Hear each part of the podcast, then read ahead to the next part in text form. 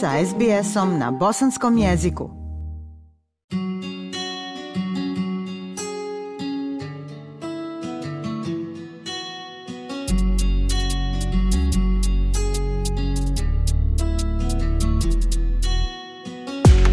Slušate program SBS radija na bosanskom jeziku. Ja sam Aisha Hadži Ahmetović.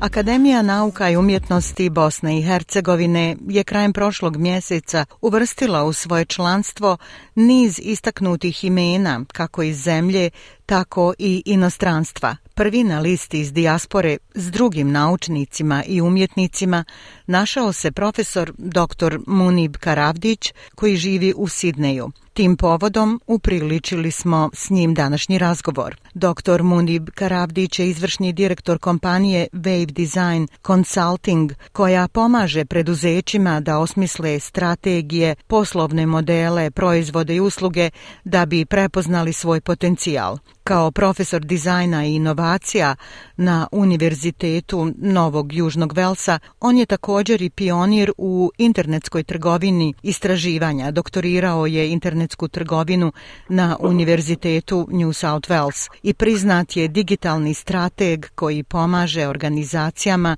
da i preispitaju svoj poslovni model. Profesore Karavdiću, prije svega srdačna dobrodošlica u program SBS radija na bosanskom jeziku i čestitke na prijemu u članstvo Akademije nauka i umjetnosti Bosne i Hercegovine. Ajša, hvala vam puno na pozivu i jako sam počestvovan da imam priliku, da imam razgovor s tobom i da se predstavim našoj bosansko, bosansko-hercegovačkoj zajednici u Australiji. Zaista, golemo, pa da kažem i najveće priznanje za vaš rad.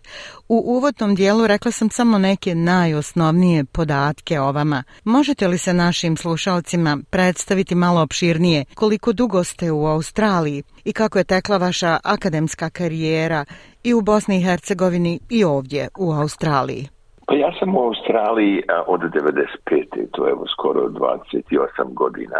I ovaj osnovni razlog da sam ja došao u Australiju je da sam dobio mjesto da radim doktorat na Univerzitetu Njovi Južni Vels. I to je bio u stvari maj ulazak u neke sfere nauke koje, e, za koje ja nisam e, do, sada imao, do tada imao neko predznanje s obzirom da, da sam ja radio doktorat u internet trgovini kao što ste vi već naglasili ili e-commerce koja je bila potpuno nova oblast ne samo za, za Bosnu i Hercegovinu nego je bilo to nova oblast i za Australiju i generalno za svijet. A inače ste u Bosni magistrirali ekonomiju, je li tako? Da, Ja sam završio, diplomirao na ekonomskom fakultetu u Sarajevu, smjer marketing i magistrirao sam tamo 89. godine na, da, na upravljanje fizičkom distribucijom gdje se radilo logičkim centrima i bio sam direktor Zavoda za ekonomska istraživanja na Upjevom institutu prije rata. I um, ja sam već tada bio počeo raditi pripreme za doktorat na ekonomskom fakultetu u Sarajevu, ali zbog rata ja sam na kraju završio u Norveškoj kao izbjeglica i odatle sam ima e, mogućnosti da konkuriše na razne univerzitete da bi bio primljen na doktorat i Australija se javila prva i tako sam ja završio ovdje u Australiji. Kad ste doktorirali, šta se onda dalje dešavalo? To je bilo vrlo interesantno, ta tranzicija između našeg akademskog rada u Bosni i Hercegovini i možda čak u Evropi i, i, i ovdje u Australiji je prilično bila teška u smislu da su moja očekivanja bila da ću ja moći kroz moj, moj doktorat koji ja radim imati sasvim normalan život ovdje sa porodicom. Međutim, ispostavilo se da sistem finansiranja rada za doktoratu ovdje uh, je malo drugačiji u odnosu na situaciju kod nas i onda sam ja bio prinađen da tražim posao u privredi i ja sam počeo raditi u Macquarie banci kao menadžer za istraživanje tržišta. A istovremeno sam radio doktorat. I e, još jedna oteškoća u radu mog doktorata je bila ta da u to vrijeme, pazite, mi govorimo ovdje o 1996. godini kada je nekoliko australskih kompanija imalo web strance, ja sam tada razvijao modele za obavljanje trgovinom preko interneta. To nije bilo jednostavno jer ja, jako, bilo je jako puno ljudi koji nisu vjerovali u to, u to doba. I onda sam, ja, ja nisam imao dovoljno kompanija u, u, u Australiji da bi ja mogao da potvrdim neke moje hipoteze iz mog istraživanja i da napravim kvalitetno istraživanje koje bi mi pomoglo da odbranim moju doktorsku tezu. Tako da je tu trebalo vremena da prođe da bi se te stvari posložile i da bi ja na kraju imao neki uzorak od nekih 250 kompanija u Australiji gdje sam ja imao priliku da neke svoje hipoteze potvrdim, a neke svoje hipoteze da odbijem. Tako da je to meni pomoglo da doktoriram i onda je meni ponuđeno mjesto da radim na fakultetu e, kao stalni e, predavač, međutim ja sam ipak odlučio da idem u privred, da ostanem u privredi jer mi je biznis na neki način bio nekako bliži i atraktivniji u smislu da ja sam uvijek želio da kreiram neki impact E, i da, i da se može prepoznati rezultat u jednom kraćem vremenskom periodu. U akademiji mi pričamo tu između 3 i 5 godina, kad mi sta pričamo o nekim teorijskim postavkama, mi pričamo o tome da li će se te teorijske postavke implementirati u nekom dužem periodu. Kao na primjer neke stvari koje sam ja objavljivao dok sam radio svoj doktorat, se i danas dani citiraju u puno časopisa svjetskih, zato što sam ja bio jedan od pionira koji je počeo da kreira osnovne postulate teorije e, internet trgovine koja još nije e, razvijena do kraja i koja se još uvijek razvija. Ali su, sam isto tako zamoljen od strane vodstva na univerzitetu da ostanem ipak da predajem u nekoj formi kao vanrednog profesora. I ja sam zadnje 20 godina uh, predajem. Znači, pored mog stalnog posla koji sam radio regularno full time u biznisima, ja sam istovremeno i predavao na fakultetu. A razlog zašto sam ja bio vrlo entuzijastičan oko tog predavanja je da sam ja stvarno želio da napravim neki most između biznisa i akademije, gdje sam ja želio da ono što sam ja naučio sa teorijskog aspekta provedem u praksi u biznisu A istovremeno te osnovne stvari s koje sam ja spoznao dok sam radio u biznisu, sam prenosio nazad studentima. I to su bili mahom MBA studenti, Master of Business Administration studenti. To su veoma inspirisani lideri koji žele da postanu vođe kompanija u nekom momentu u njihovoj karijeri. I njima je bilo jako stalo da imaju nekoga koji može na takav način prenijeti to znanje i iskustvo šta od ovih teorijskih aspekata koji oni uče u okviru predavanja, radi u biznisu konkretno. I ja sam krivo jedan određeni entuzijazam kod tih ljudi da ovaj su oni stvarno videli značajan uticaj na njihov buduću karijeru sa, kad su završavali moje predaje. A pronašla sam podatak i da ste međunarodno priznati govornik o inovacijama i dizajnu i da ste držali predavanja na mnogim konferencijama širom svijeta. Recite nam nešto o tome. Da, ja sam radio puno istraživanja u kompanijama kako su kompanije kreiraju inovativne funkcije u svojim organizacijalnim strukturama i istraživao sam koji su uticaji koji su imali te eh, inovacijni timovi eh, na eh, kreiranje određenih rezultata i vrijednosti za kompanije. I proveo sam puno vremena analizirajući velike kompanije u Americi ovdje u Australiji. I onda je to, naravno, ovaj, s obzirom da se ja kreirao taj neki određeni, neku mrežu ljudi s kojima sam sarađivao, onda smo išli po tim konferencijama u, u San Francisco, u New Yorku. I bili smo E, u Bostonu, u Aziji smo isto održavali e, predavanja i ovo ovaj, jedno od najdražih predavanja koje je bilo, koje sam održao dva puta, to je bilo u Sarajevu na mom ekonomskom fakultetu, gdje sam bio ugošćen od strane mojih kolega, profesora sa ekonomskog fakulteta i, i to je bila javna tribina, je došlo ljudi koji nisu samo studenti, nego je došlo i ostalih e, posmatrača koji su bili zainteresovani u tom momentu da čuju nešto više oko inovacije. Kako ste vi primili vijest o prijemu u članstvo Akademije nauka i umjetnosti Bosne i Hercegovine i na koji način vidite vaš doprinos Bosne i Hercegovini time?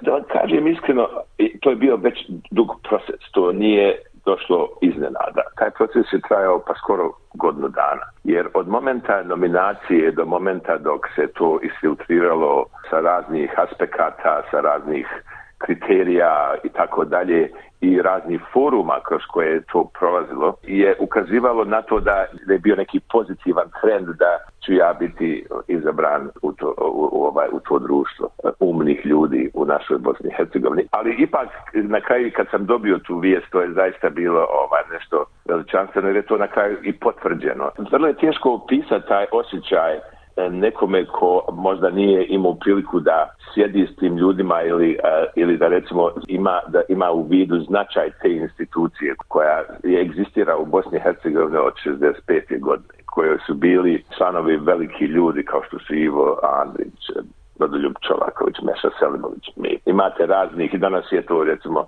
Abdullah Sidrani, Asim Kurjak, Sased Zed, umjetnici, ekonomisti, E, tako da, da je to e, na neki način čast biti u društvu tako umnih ljudi. I mi svi imamo neke svoje različitosti, ali je interesantno da ti ljudi mogu da prihvate tu različitost i ti ljudi su na neki način slobodni strijelci, da tako kažem, ali sa umnog aspekta, koji mogu jako puno da doprinesu društvenoj zajednici. I to naravno čini čovjeka sretnim da u karijeri jednog, i to ne potpuno univerzitetskog profesora, nego kombinacija biznisa i univerzitetskog profesora, da dođe na taj nivo da bude u društvu takvih velikana kao što su ljudi u Akademiji Bosne i Hercegovine. Da, kao kruna sveg vašeg dosadašnjeg rada. Možete li nam reći na koji način se može unaprijediti ekonomska saradnja između Australije i Bosne i Hercegovine? E, koliko je izvodivo implementirati neke poslovne strategije o kojima predajete ovdje u Australiji, u Bosni i Hercegovini? I da li smatrate da je moguće da naša prva domovina krene putem prosperiteta?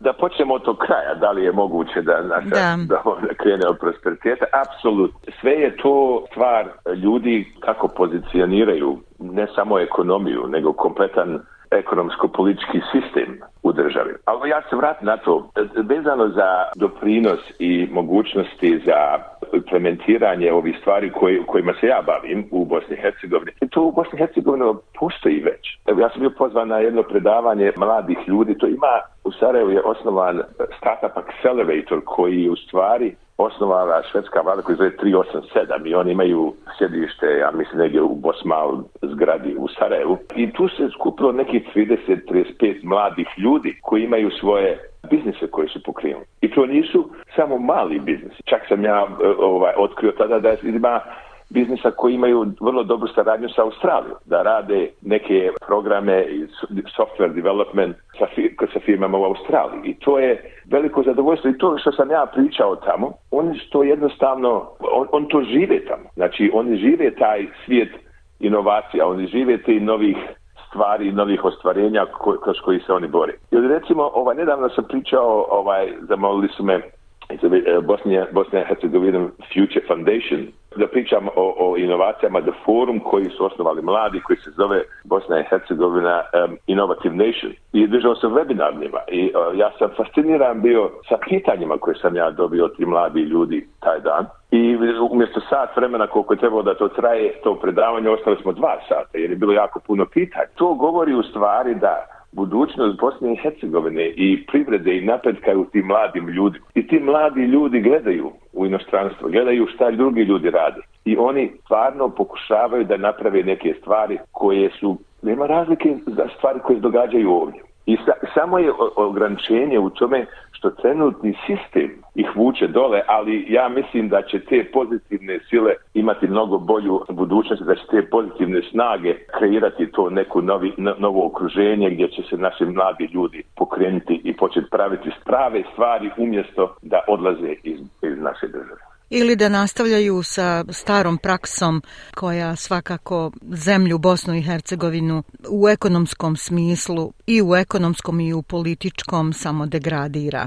Ja vidim pozitivne znakove i pozitivne pomake, bar ono kad ja odem tamo i pa provedem vrijeme u Bosni i Hercegovini. E, isto tako ovaj, i kad pričam sa ljudima odavde, koji su tamo, a pričam ja odavde i tu vidim neke pozitivne pomake. I ja moram reći još to ovdje naglasiti, recimo da Bosnija i Hercegovina eh, Futures eh, Foundation, koja je eh, zamišljena od, od gospodina Edhema Čustovića, koja je zaista kreirala jednu novu snagu, novi pokret. Ja, ja moram reći da to je neki, neka vrsta pokreta gdje su mladi ljudi shvatili da oni u stvari treba da počnu da kreću tim stvarima. I sad recimo puno ljudi koji su van Bosne i Hercegovine doniraju pare u tu fondaciju da bi omogućili ljudima, mladim ljudima iz Bosne i Hercegovine da dođu negdje u inostranstvo, da budu dva, tri mjeseca da vidi kako to izgleda, se vrate nazad, da primjenjuju to što su naučili ovdje. Jer to je u suštini se kreira jedna zdrava atmosfera kod, kod mladih ljudi i ako ti mladi ljudi sta počne razmišljati na taj način, onda je budućnost za garantu. Kao akademik i univerzitetski profesor, kako objašnjavate ovu globalnu inflaciju i kako vidite njen kraj u Australiji? Vidite, Ajša, to je, to je jedan kom, ko jedna kompleksna tema i ima jako puno ekonomista koji to objašnjavaju, koji su mnogo više kvalifikani nego što sam ja.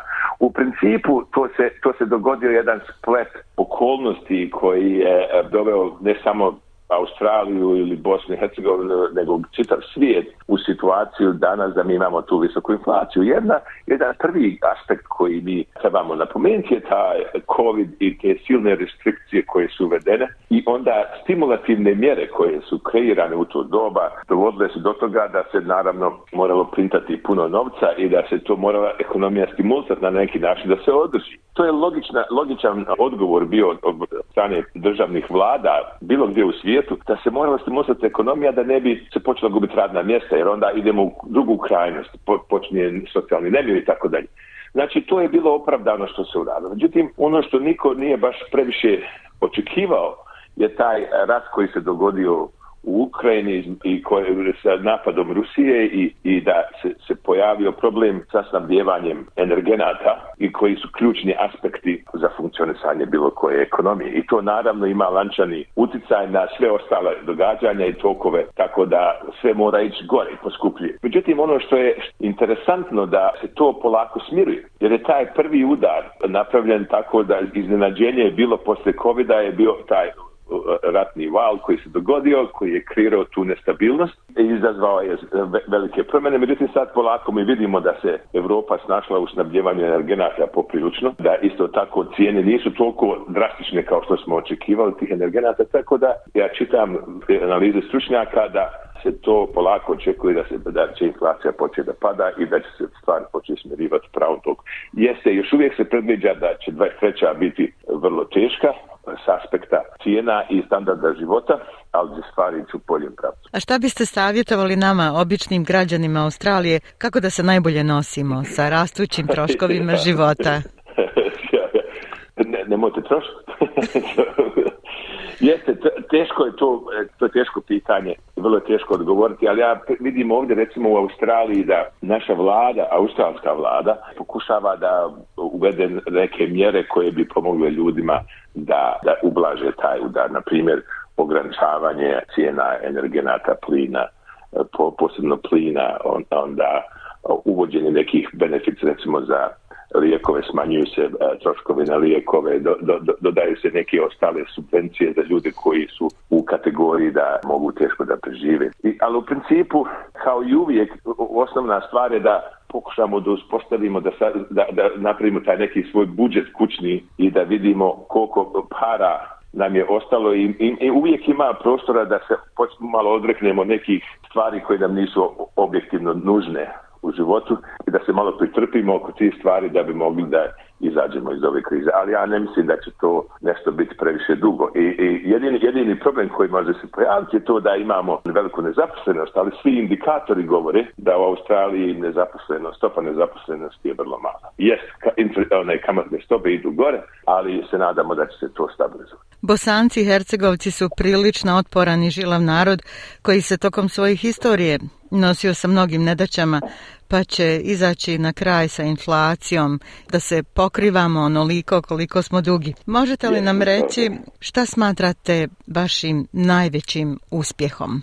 Pa, odmah da vam kažem, moj najveći uspjeh je moja porodica. Da se odmah razumijemo, to je, ja sam sretan otac sa dvije čerke, koje su vrlo uspješne djevojke, kreirali su svoj život i to mi je bio u stvari glavni mi orijentir u životu da moja djeca izađu na pravi put, a sada oni nek se nalaze kako, kako mogu. Druga stvar je doktorat koji se ja završio ovdje, ovdje me čini posebno ponosnim zbog toga što je to je oblast koju sam ja radio, taj doktorat je bila u to vrijeme stvarno nova i, ovaj, i danas dani neke stvari koje, do kojih sam ja došao u to vrijeme su važnije nego ikad prije. Još uvijek e, mnogo firmi nisu došli do prave spoznaje šta znači ta digital orijentacija, šta znači ta internet kupovina, šta znači pružanje usluga koristići internet servise. Još uvijek je to na prilično niskom nivou razvoja i to treba vremena da, da, se, da se stvari pomjere, ali ide u pravom pravcu. Treći aspekt je taj što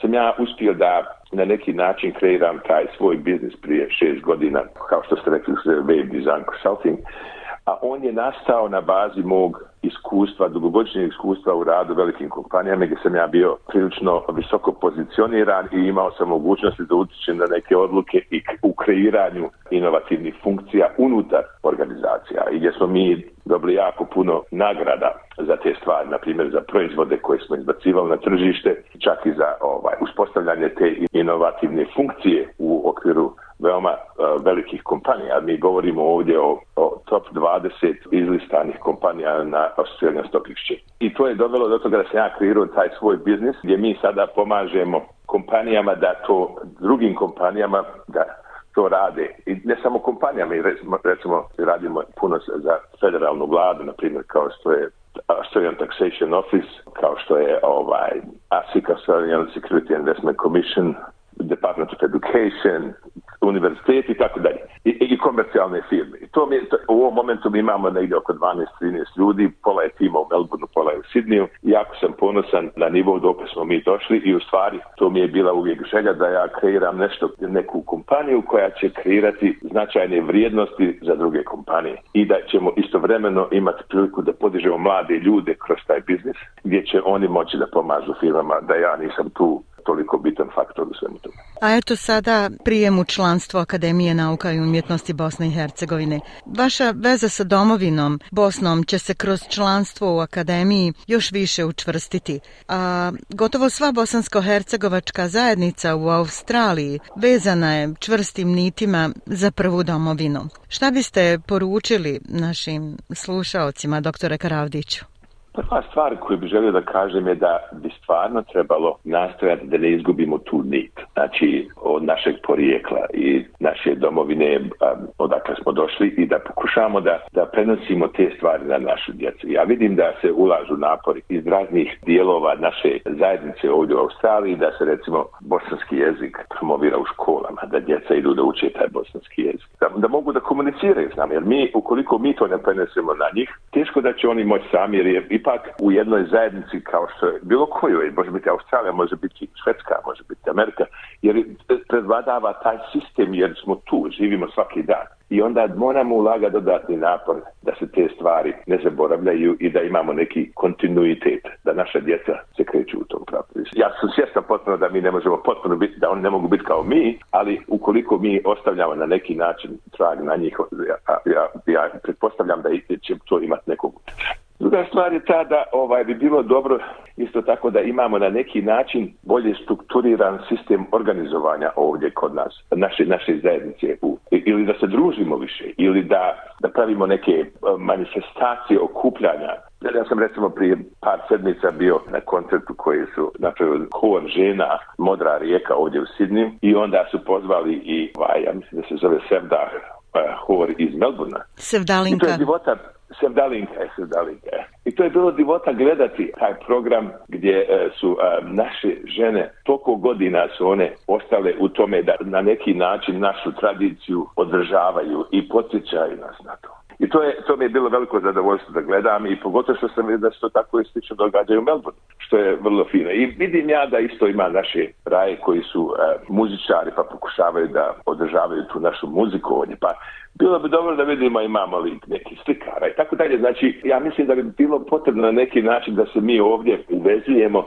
sa nekog kulturnog aspekta. Zaboravimo taj politički aspekt jer ja se bojim da taj politički aspekt nas samo dijeli ali bi bilo dobro da taj kulturni aspekt da, da pokušamo da vidimo, ovaj možemo li imati dublje veze između nas ovdje. I treća stvar je ta da, e, da taj odnos prema Bosni i Hercegovini e, po mom mišljenju bi morao biti organizovan na nekom višem nivou i to zahtjeva vjerovatno da se, da se i naša vlast ili ljudi u Bosni i Hercegovini angažuju oko dijaspori, a i dijaspora da pokuša da kreira neke organe koji će biti validni. Jer znate, ima jako puno tih stvari i iz prošlosti smo mi naslijedili jako puno stvari gdje su ljudi pot, gube povjerenje u, u neke stvari. Ja mislim da ukoliko se to na neki način legalizuju te institucije kroz neke legalne e, registre ovdje u Australiji, ja čujem da se priča o nekoj privrednoj komori, Australsko-Bosansko-Ecegovačko privrednoj komori koja, koja će biti registrovana ovdje u New South Wales, ja mislim.